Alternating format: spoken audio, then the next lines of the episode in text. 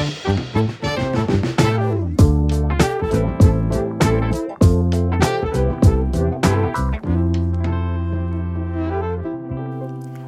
រាបសួរទស្សនិកជនទាំងអស់គ្នាសូមស្វាគមន៍មកកាន់កម្មវិធី podcast នៃគម្រោងជំនាញសិក្សានិងការងារដែលរៀបចំដោយសមាគមអតីតនិស្សិតអាហារូបករណ៍ Fulbright និងអាហារូបករណ៍សហរដ្ឋអាមេរិកឬហៅកាត់ថា FUSEC ដែលកម្មវិធីយើងទទួលបានការឧបត្ថម្ភដោយក្រុមហ៊ុន Smart Asiata ដែលថ្ងៃនេះផងដែរយើងនឹងចូលរួមជជែកពិភាក្សាគ្នាអំពីមុខជំនាញវិស្វកម្មជីវសាស្ត្រដោយមានការចូលរួមពី Willcomen កិត្តិយសមួយរូបដែលសប្តាហ៍ថ្ងៃគាត់កំពុងបម្រើការងារជាសាស្ត្រាចារ្យនៅសាកលវិទ្យាល័យភូមិន្ទភ្នំពេញនៅលើជំនាញនេះផ្ទាល់តែម្ដងដូច្នេះយើងទៅជួបជាមួយគាត់ទាំងអស់គ្នាជម្រាបសួរអ្នកគ្រូចាជម្រាបសួរអរគុណអ្នកគ្រូដែលបានផ្ដល់កិត្តិយសក្នុងកម្មវិធីសន្ទនា podcast ថ្ងៃនេះអមជាដំបូងតើអ្នកគ្រូអាចជួយណែនាំខ្លួនបន្តិចបន្តួចទៅដល់ទស្សនិកជនយើងទាំងអស់គ្នាចាអឺខ្ញុំឈ្មោះឡុងសូលីដាគឺជាសាស្ត្រាចារ្យបម្រើការនៅសាកលវិទ្យាល័យភូមិន្ទភ្នំពេញនៅក្នុង Department វិស្វកម្មជីវសាស្ត្រនៃមហាវិទ្យាល័យវិស្វកម្ម ហើយខ្ញុំបានអឺបញ្ចប់ការសិក្សាឋានៈបញ្ញាបត្របណ្ឌិតផ្នែកវិទ្យាសាស្ត្រឱសថនៅប្រទេសប៉ុកទីហ្គាល់ចឹងកុំឲ្យខាតពេលយូរយើងចូលទៅកាន់សំណួរដំបូងរបស់យើងតែម្ដងដែលសំណួរទី1នោះខ្ញុំចង់សួរអ្នកគ្រូថាតើអ្វីទៅជាវិស្វកម្មជីវសាស្ត្រចាអឺជំនាញវិស្វកម្មជីវសាស្ត្រវាគឺជាជំនាញមួយនៅក្នុងចំណោមជំនាញវិស្វកម្មទាំងឡាយដែលយើងប្រើប្រាស់នៅដំណើរការបែបគីមីវិទ្យាជីវវិទ្យា រួមបញ្ចូលជាមួយនឹងគោលការណ៍វិស្វកម្មនានាដើម្បីផលិតជាផលិតផលឬក៏បច្ចេកទេសសម្រាប់ប្រើប្រាស់និងដោះស្រាយបញ្ហាប្រឈមមុខរបស់ប្រជាជន វិស័យទាំងអស់ហ្នឹងអាចដូចជាវិស័យខាងផ្នែកសុខាភិបាលឧស្សាហកម្មអាហារឬក៏វិស្វកម្មកសិកម្មហើយនិងបរិស្ថានជាដើមហើយនៅក្នុងជំនាញនេះផងដែរក៏យើង យើងអាចនិយាយថាវាគឺជាបំណិនមួយថ្មីនៅក្នុងសាកលវិទ្យាល័យរបស់យើងដោយយើងបានបញ្ចូលនៅជំនាញវិស្វកម្មផ្សេងផ្សេងទៀតឧទាហរណ៍ដូចជាវិស្វកម្មគីមីវិស្វកម្មអេឡិចត្រូនិកហើយនិងមេកានិកជាដើមឃើញថាជំនាញហ្នឹងវាជាជំនាញថ្មីមួយអញ្ចឹងតើមានកត្តាអ្វីខ្លះដែលជំរុញឲ្យអ្នកគ្រូចាប់យកជំនាញថ្មីមួយនេះមកចាអឺ អឺចំពោះកត្តាដែលជំរុញឲ្យខ្ញុំចាប់យកនៅឱកាសការងារនៃជំនាញនេះដោយសារតែទី1គឺជាជំនាញមូលដ្ឋានខ្ញុំមានជំនាញមូលដ្ឋានរបស់ខ្ញុំអឺដោយខ្ញុំចាប់ដើមចេញពីជំនាញផ្នែកគីមីជីវៈហើយខ្ញុំមានចំណេះដឹងហើយនឹងបទពិសោធន៍ខាងផ្នែកបច្ចេកវិទ្យាអាហាររួមផ្សំជាមួយនឹងវិស្វកម្មប្រព័ន្ធជីវសាស្ត្រព្រមទាំងវិទ្យាសាស្ត្រគីមីឱសថដែលជំនាញរបស់ខ្ញុំទាំងប្រមាណនេះគឺអាចបំរើដល់ ជំនាញផ្នែកជីវកម្មសន្ទុះផ្នែកវិស្វកម្មជីវសាស្ត្រនៅសាកលវិទ្យាល័យភូមិន្ទភ្នំពេញបានកត្តាទី2គឺជាសក្តានុពលនៃជំនាញនេះតែម្ដងដែលខ្ញុំមើលឃើញថាជំនាញនេះគឺវាគឺជាជំនាញមួយដែលផ្ដល់ផ្ដល់ផលប្រយោជន៍យ៉ាងធំទៅដល់វិស័យអប់រំនិងវិស័យសេដ្ឋកិច្ចនៅក្នុងពេលបច្ចុប្បន្នហើយនៅក្នុងពេលអនាគតហើយកត្តាទី3នោះផងដែរគឺខ្ញុំចង់ជំរុញនៅខ្ញុំមើលឃើញអំពីឱកាសការងារ ក្នុងពេលបច្ចុប្បន្ននិងទៅពេលអនាគតហើយខ្ញុំចង់ឲ្យយុវជនខ្មែរគាត់មានជំនាញបែបវិស្វកម្មជីវសាស្ត្រហ្នឹងដើម្បីឲ្យគាត់ទទួលបានឱកាសការងារដែលកំពុងតែមានស្រាប់នឹងហើយចំណុចទី4វិញគឺជាបរិយាកាសការងារនៅក្នុង Department វិស្វកម្មជីវសាស្ត្រក៏ដូចជាមហាវិទ្យាល័យវិស្វកម្មដែលនៅក្នុងមហាវិទ្យាល័យរបស់យើងខ្ញុំនឹងគឺសពោទៅដោយធនធានមនុស្សដែលមានពហុជំនាញដូច្នេះខ្ញុំអាចខ្ញុំអាចបញ្ជ្រាប នៅជំនាញរបស់ខ្ញុំជាមួយនឹងជំនាញផ្សេងផ្សេងទៀតនៃសាស្ត្រាចារ្យផ្សេងផ្សេងទៀតដើម្បីអភិវឌ្ឍជំនាញមួយនេះឲ្យកាន់តែឲ្យកាន់តែប្រសើរឡើង ចា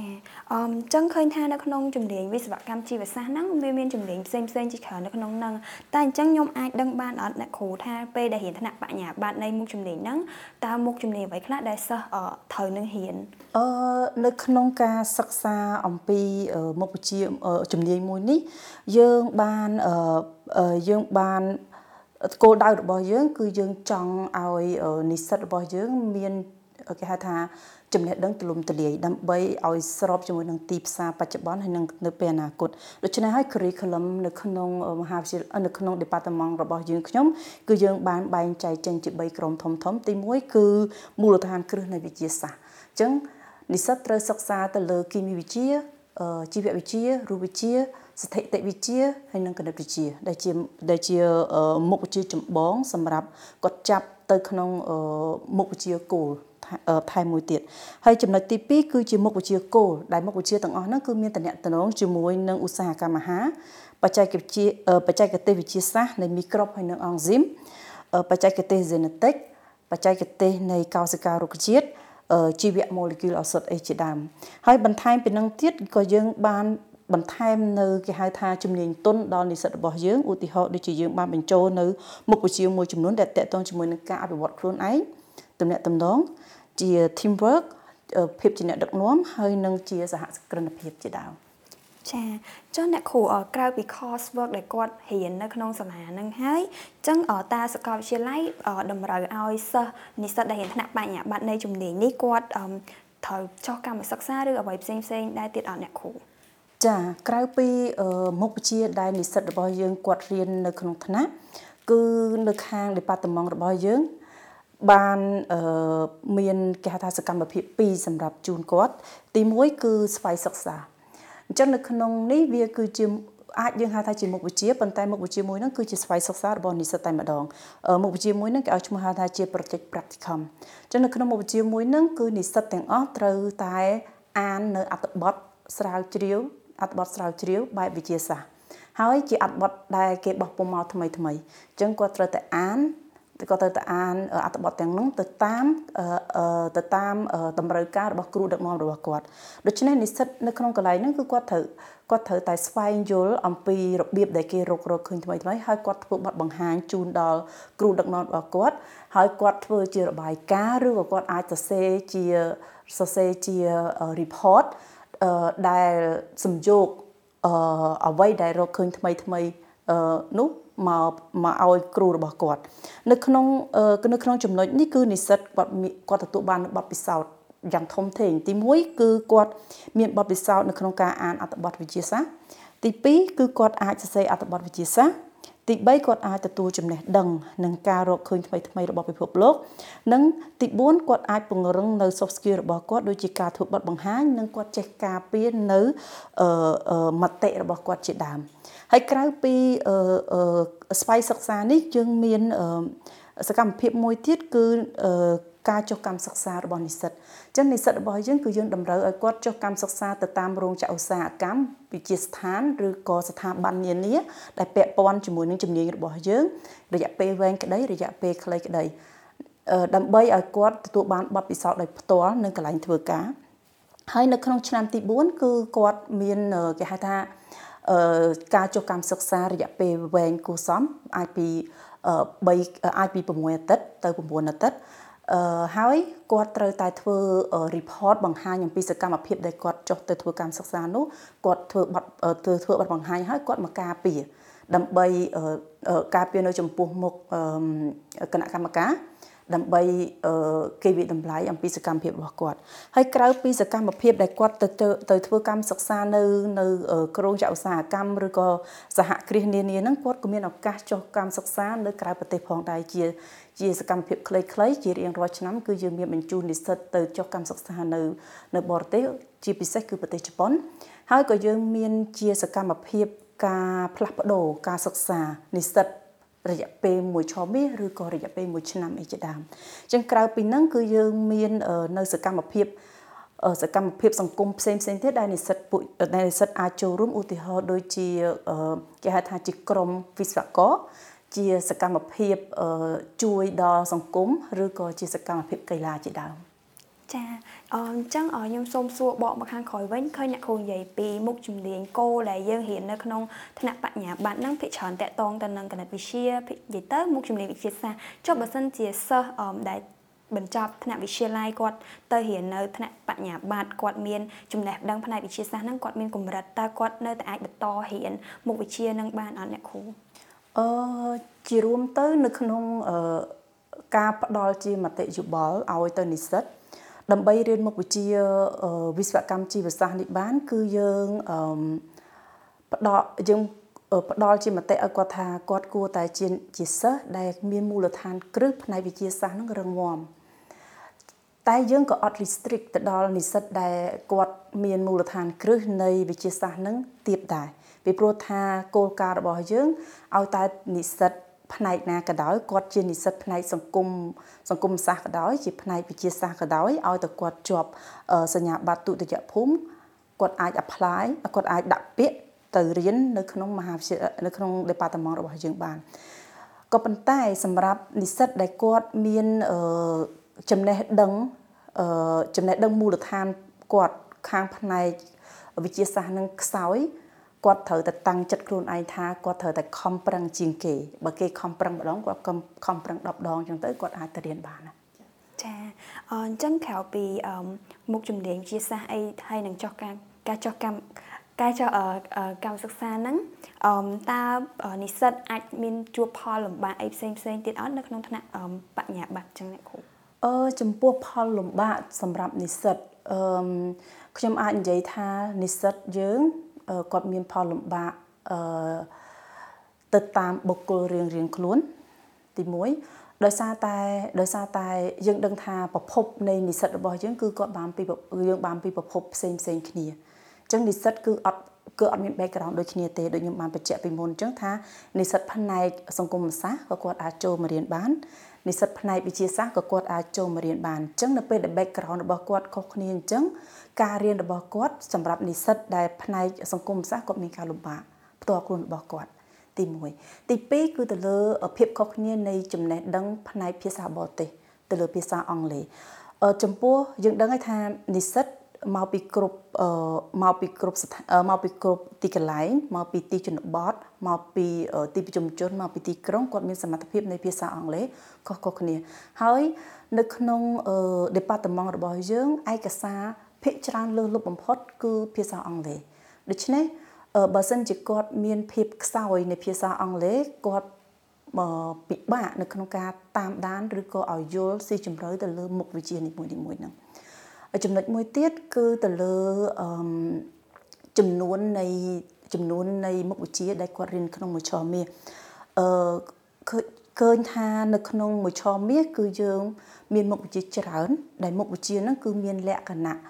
អឺផ្សេងផ្សេងគ្នា យើងមានទាំងពីមុខវិជ្ជាតកតងជាមួយនឹងគីមីយើងមានទាំងពីមុខវិជ្ជាតកតងជាមួយនឹងជីវៈតកតងជាមួយនឹង genetic តកតងជាមួយនឹងវិស្វកម្ម ណាតកតងជាមួយនឹងជំនាញនៃការដូចជាការកណកញ្ញាលេខកអីចឹងទៅនិស្សិតពេលខ្លះគាត់អត់មានជំនាញទាំងអស់ហ្នឹងអឺអឺគេហៅថាពូកែនៃជំនាញទាំងអស់ហ្នឹងទេគាត់ដូចថាអឺដោយដោយដោយមុខវិជ្ជាដែលគាត់ចូលចិត្តអញ្ចឹងទៅគាត់អាច គាត់អាចចាប់បានចាប់បានមុខវិជ្ជានេះច្រើនចាប់បានមុខវិជ្ជានោះតិចអីចឹងទៅអញ្ចឹងដោយសារតែយើងមាន diverse នៃមុខវិជ្ជាហ្នឹងធ្វើឲ្យនិស្សិតខ្លះគាត់ចាប់បានមុខវិជ្ជាខ្លះបានល្អចឹងទៅចំណែកមុខវិជ្ជាខ្លះទៀតគាត់ខ្សោយមែនតើអញ្ចឹងនេះគឺជាចំណុចមួយដែលដែលខ្ញុំឃើញហើយនឹងចំណុចមួយទៀតដែលខ្ញុំឃើញគឺទៅលើអឺអឺទៅលើអេរិយាប័ត្រឬក៏គេហៅថាបែបបទនៃការរៀនរបស់គាត់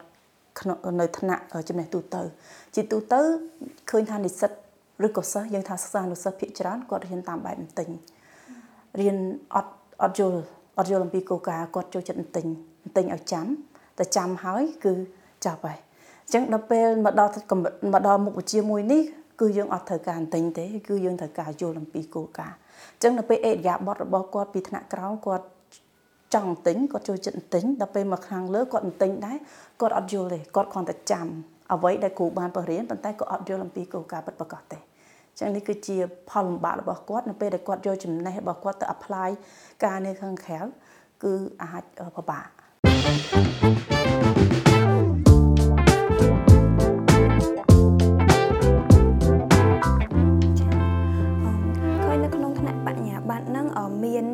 ផ្សេងផ្សេងច្រើនដូចអ្នកគ្រូនិយាយរៀនពីគីមីផងពីជីវៈផងអញ្ចឹងអញ្ចឹងខ្ញុំចង់សួរថាអឺដូចឧទាហរណ៍បើសិនជាយើងចូលដល់ឆ្នាំទី3ហ្នឹងខាងសកលឬក៏ខាង department មានតម្រូវឲ្យសិស្សចាប់យកជំនាញណាមួយដូចជាជំនាញគោលដើម្បីឲ្យគាត់ចេញទៅទៅខាងហ្នឹងហ្មងអញ្ចឹងណាអ្នកគ្រូអឺយើងយើងអត់អត់បានបែងចែកទៅជាជំនាញតូចតូចបន្ថែមទៀតទេប៉ុន្តែនិស្សិតទាំងអស់គឺគាត់មានឱកាសក្នុងការរៀននៅមុខជំនាញដូចដូចគ្នាអញ្ចឹង ឧទាហរណ៍ដូចជាខ្ញុំនិយាយអំពីតកតងជាមួយនឹងផ្នែក genetic អញ្ចឹងនៅក្នុង genetic ហ្នឹងយើងសិក្សាអំពីបច្ចេកវិទ្យានៅក្នុងការធ្វើ clone ការកាត់ត Zen ការកាត់គេហៅថាចំណេះដឹងតាក់ទងជាមួយនឹងសម្ភារៈ genetic ហ្នឹងគាត់អាច apply ទៅលើកោសិកាសត្វគាត់អាច apply ទៅលើកោសិការុក្ខជាតិគាត់អាចបង្កាត់ពូជនៃរុក្ខជាតិថ្មីថ្មីអាចបង្កាត់ពូជផ្កាថ្មីថ្មីអីចឹងទៅ ហើយជំនាញមួយទៀតគឺតាក់ទងជាមួយនឹងជំនាញដូចជាឧស្សាហកម្មអាហារអញ្ចឹងគាត់រៀនចំណេះនឹងដូចគ្នាទាំងអស់និស្សិតណាក៏រៀនចំណេះនឹងដូចគ្នាដែរអញ្ចឹងយើងបានយើងបានធ្វើឲ្យចំណេះមុខវិជ្ជារបស់ department របស់យើងមានលក្ខណៈទូលំទូលាយដែលបម្រើការដល់ទីផ្សារដែលមាននៅក្នុងប្រទេសរបស់យើងក្នុងបច្ចុប្បន្នអញ្ចឹងអឺអឺគេហៅថាជំនាញដែលសំខាន់សំខាន់មានដូចជាខាងផ្នែក molecule ឱសថហើយនិងគ្រឿងសម្អាងតកតងជាមួយនឹងឧស្សាហកម្មអាហារតកតងជាមួយនឹងជីវៈបច្ចេកទេសនៃមីក្រូបតកតងជាមួយនឹងជីវៈបច្ចេកទេសនៃអង់ស៊ីមតកតងជាមួយនឹង genetic ហើយនិងកោសិកាគេហៅថាជាបច្ចេកទេសកោសិការុក្ខជាតិអញ្ចឹងយើងមានជំនាញ6សម្រាប់ឲ្យពួកគាត់ទទួលយកនៅចំណេះដឹងផ្នែកហ្នឹងអញ្ចឹងគាត់អាចយកចំណេះដឹងទាំង6ហ្នឹងទៅទៅ ទៅពង្រីកទៅពង្រីកនៅអនាគតតទៀតចាអញ្ចឹងថ្ងៃអនាគតទៅនិស្សិតដែលចប់ពីជំនាញហ្នឹងគាត់មិនត្រឹមតែអាច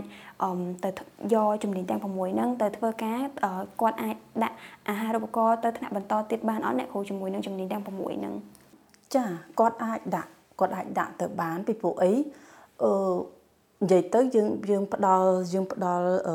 ចំណេះដឹងផ្នែក បរិញ្ញាបត្រឲ្យទៅគាត់ដើម្បីធ្វើជាគ្រឹះឲ្យគាត់ចាប់យកនៅជំនាញមួយពិតប្រាកដ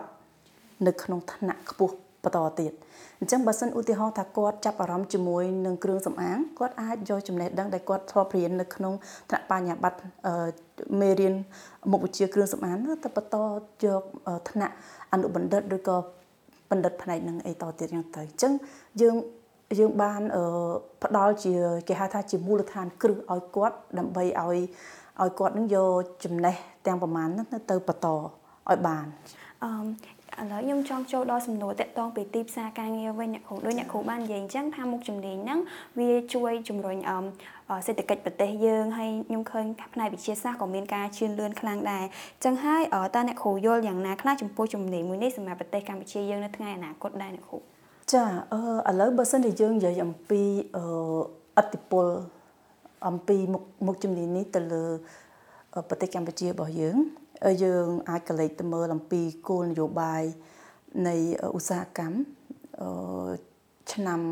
2015ដល់ឆ្នាំ2025គេបានលើកនៅគោលនយោបាយមួយ គឺទៅលើវិស័យកសិឧស្សាហកម្មវិស័យកសិឧស្សាហកម្មហ្នឹងគឺជាវិស័យអតិភិបដើម្បីជំរុញសេដ្ឋកិច្ចប្រទេសកម្ពុជា ហើយបើសិនជាយើង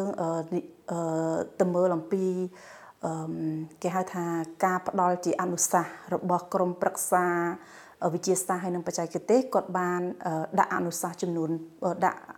គេហៅអតិភិបនៃជំនាញចំនួន6នៅក្នុងនោះមានជំនាញ2ដែលតកតងជាមួយនឹងគេហៅថាបច្ចេកវិទ្យា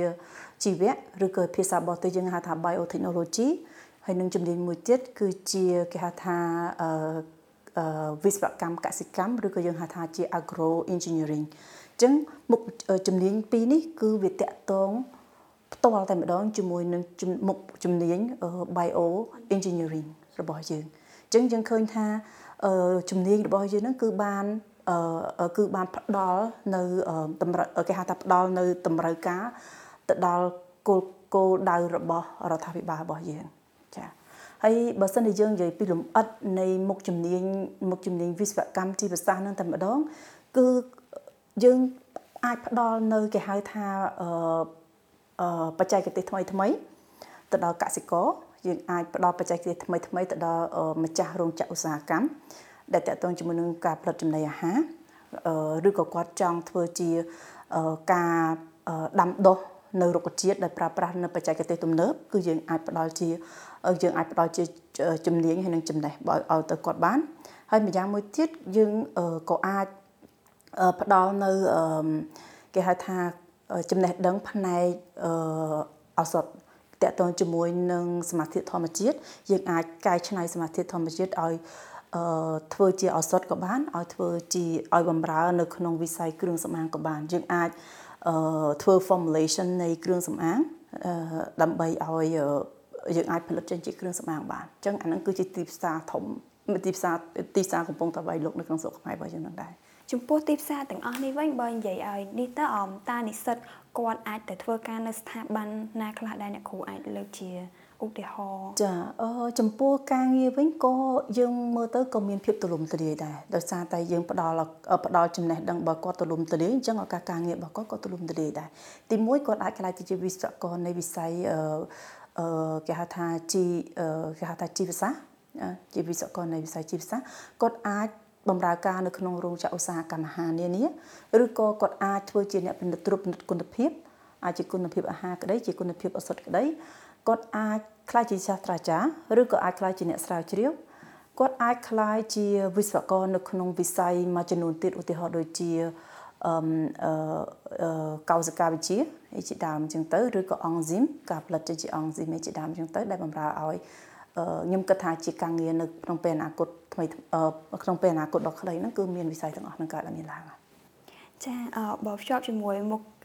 ចង់និយាយពីការងារជាសាស្ត្រាចារ្យវិញខ្ញុំសំណួរនេះចង់សួរទៅអ្នកគ្រូផ្ទាល់តើអ្នកគ្រូមានទំនួលខុសត្រូវឬក៏មានកាតព្វកិច្ចអ្វីខ្លះដែលត្រូវបំពេញ ក្នុងនាមជាសាស្ត្រាចារ្យនៅលើជំនាញនេះផ្ទាល់ដែរអ្នកគ្រូចាចំពោះកតបកិច្ចហើយនឹងការទទួលខុសត្រូវរបស់យើង ក្នុងនាមជាសាស្ត្រាចារ្យយើងដឹងថាការទទួលខុសត្រូវរបស់យើង គឺយើងត្រូវតែបំពេញបាននៅគោលនយោបាយនៅចក្ខុវិស័យនៅបេសកកម្មរបស់សាកលវិទ្យាល័យភូមិន្ទភ្នំពេញក៏ដូចជាក្រសួងអប់រំយុវជននិងកីឡានៅក្នុងការផលិតធនធានមនុស្សគឺជាក្រុមនិស្សិតរបស់យើងនឹងឲ្យមានសមត្ថភាពខ្ពស់ ហើយឲ្យគាត់មានជំនាញផ្នែកវិស្វកម្មនឹងមួយជីវិតអញ្ចឹងអានេះគឺជាការទទួលខុសត្រូវរបស់យើងនៅក្នុងការផលិតធនធានមនុស្សចំណែកឯអឺកតបកិច្ចរបស់យើងវិញគឺនៅក្នុងសាកលវិទ្យាល័យភូមិភ្នំពេញគឺខ្ញុំមានកតបកិច្ចបង្រៀនខ្ញុំមានកតបកិច្ចទទួលខុសត្រូវទៅលើការដឹកនាំ research ការដឹកនាំស្រាវជ្រាវរបស់និស្សិតនិងកតបកិច្ចនៅក្នុងការដឹកនាំការចុះកម្មសិក្សារបស់និស្សិត ហើយក្រៅពីកតបកិច្ចទាំងអស់នោះក៏យើងមានកតបកិច្ចមួយចំនួនដែរឧទាហរណ៍ដូចជាក្រៅពីការបង្រៀនក៏យើងមានមានការអាចជាខាតការទទួលខុសត្រូវគឺយើងទទួលខុសត្រូវទៅលើសុខភាពហើយនិងសុខភាពរបស់និស្សិតរបស់យើងពីព្រោះថាអ្វីដែលយើងបានចូលដែលយើងបានរៀន ដែលយើងបានរៀននៅក្នុងទីពិសោធន៍ក្តីនៅក្នុងថ្នាក់ក្តីគឺយើងប្រើប្រាស់នៅសារធាតុគីមីយើងប្រើប្រាស់នៅបច្ចេកវិទ្យាយើងប្រើប្រាស់នៅម៉ាស៊ីនអីនានាអញ្ចឹងទៅអញ្ចឹងយើងត្រូវគិតគូរអំពីសុខភាពហើយនិងសុខភាពរបស់និស្សិតរបស់យើងផងដែរចាអ្នកគ្រូអឺចូលទៅដល់អឺនិយាយតកតងពីអាហារូបករណ៍វិញអ្នកគ្រូចំពោះសិស្សសិស្សដែលគាត់ចប់ថ្នាក់ទី12អញ្ចឹងតើគាត់អាចរកអាហារូបករណ៍ណាដើម្បីរៀនជំនាញនេះបានដែរអត់អ្នកគ្រូ ចាចំពោះអាហារូបករណ៍ជារៀងរាល់ឆ្នាំ គឺយើងមានអាហារូបករណ៍ចេញពីរដ្ឋាភិបាលកម្ពុជារបស់យើងជាទូទៅ គឺយើងទទួលចំនួននិស្សិត20នាក់ជារៀងរាល់ឆ្នាំផ្នែកអាហារូបករណ៍ហើយក៏មាននិស្សិតដែលទទួលបានអាហារូបករណ៍បែបឯកតបុគ្គឯកគេហៅថាតាមបុគ្គលតាមអ្នកដែលគាត់មានសមត្ថភាពនៅក្នុងការផ្គត់ផ្គង់ថ្លៃសិក្សាឲ្យនិស្សិតអីចឹងទៅយើងមានអាហារូបករណ៍សម្រាប់សិស្សក្រីក្រចា ហើយនៅពេលដែលនិស្សិតរបស់យើងត្រូវបានចូលរៀនហើយទោះបីជានិស្សិតនឹងគាត់ជាសិស្សអាហារូបករណ៍ក្តីគឺឬក៏ជានិស្សិតបងថ្លៃក្តីបើសិនជាគាត់ក្រីក្រហើយគាត់រៀនបកែគាត់អាចមានសមត្ថភាពនៅក្នុងការប៉ុណ្ណាំងប្រជែងយកអាហារូបករណ៍ដែលឧបត្ថម្ភពីស្ថាប័នមួយចំនួនឧទាហរណ៍ដូចជាគេហៅថា Mitsubishi Foundation នេះជាដើមចឹងទៅដើម្បីទៅយកទុនសិក្សាឬក៏យកថ្លៃឧបត្ថម្ភប្រចាំខែរបស់គាត់ចឹងទៅ ចាអចំពោះអាហារូបករណ៍ពីខាងរដ្ឋាភិបាលតើនិស្សិតគាត់គួរមានលក្ខខណ្ឌបែបណាដែរដើម្បីទទួលអាហារូបករណ៍នឹងដែរអ្នកគ្រូចាចំពោះលក្ខខណ្ឌដែលគាត់ត្រូវតែទទួលអាហារូបករណ៍ទី1គឺគាត់ត្រូវតែដាក់ពាក្យនៅពេលដែលគាត់ត្រូវនៅពេលដែលគាត់បំពេញនៅគេហៅថាអឺ form ដែលដែលដែលដាក់ប្រឡងថ្នាក់ទី12ហ្នឹងគឺគាត់ត្រូវរើសជំនាញតែគាត់ត្រូវរៀនអញ្ចឹងគាត់ត្រូវរើសជំនាញវិស្វកម្មជីវសាស្ត្រហ្នឹង បើសិនជាគាត់អត់រើសជំនាញទាំង3នៅក្នុងជំនាញ3បើសិនជាគាត់អត់មានវិស្វកម្មជីវសាស្ត្រហ្នឹងទេក៏គាត់អត់ទទួលបានអាហារូបករណ៍ហ្នឹងដែរណាទី1ទី2គឺគាត់ត្រូវប្រឡងឲ្យជាប់ដល់គាត់ដាក់ហើយគាត់អត់ប្រឡងជាប់អត់ប្រឡងអត់ជាប់ក៏គាត់ទទួលបានដែរចាហើយអឺទី3វិញគឺគាត់ត្រូវតែស្ថិតនៅក្នុងគេហៅថាជាជាជាសិស្សដែលស្ថិតនៅក្នុងលំដាប់ខ្ពស់ព្រោះថាជាទូទៅខ្ញុំឃើញថាអាហារូបករណ៍ដែលបានមកដែលយើងទទួលបាននិស្សិត មកពីខាងអាហារូបករណ៍រដ្ឋាភិបាលហ្នឹងគឺយើងបានទទួលនិស្សិតនិទេស A រហូតដល់និទេស C អាចមាននិទេស E ប៉ុន្តែជាករណីជាករណីពិសេសអញ្ចឹងឃើញថាបើសិនជាយើងហើអាមុខជំនាញហ្នឹងពីពីថ្នាក់វិទ្យាល័យមកពេលយើងដាក់ពាក្យហ្នឹងគឺយើងអាចចូលរៀនបានទេអត់មានការប្រឡងអីផ្សេងផ្សេងទៀតទេចាយើងអត់តម្រូវឲ្យមានការប្រឡងទេសម្រាប់សាកលវិទ្យាល័យភូមិភ្នំពេញ ចុះបើនិយាយតាក់ទងពីអាហារូបករណ៍ថ្នាក់តទៅ master អីវិញអ្នកគ្រូតាយើងមានអាហារូបករណ៍អីខ្លះដែរតាក់ទងមួយជំនាញនេះអឺចំពោះអឺអាហារូបករណ៍ថ្នាក់ master ឬក៏យើងហៅថាជាអនុបណ្ឌិតហ្នឹងយើងមានការសហការជាមួយនឹងសាកលវិទ្យាល័យជាដៃគូមានដូចជាខាងផ្នែកនៅអឺជប៉ុនមាននៅខាង Sweden នៅខាងប្រទេសស៊ុយអែតហ្នឹងគឺយើងមាន គេហៅថាកិច្ចសហប្រតិបត្តិការរវាងសាកលវិទ្យាល័យនៅក្នុងបណ្ដាប្រទេសទាំងអស់ហ្នឹងយើងអាចបញ្ជូននិស្សិត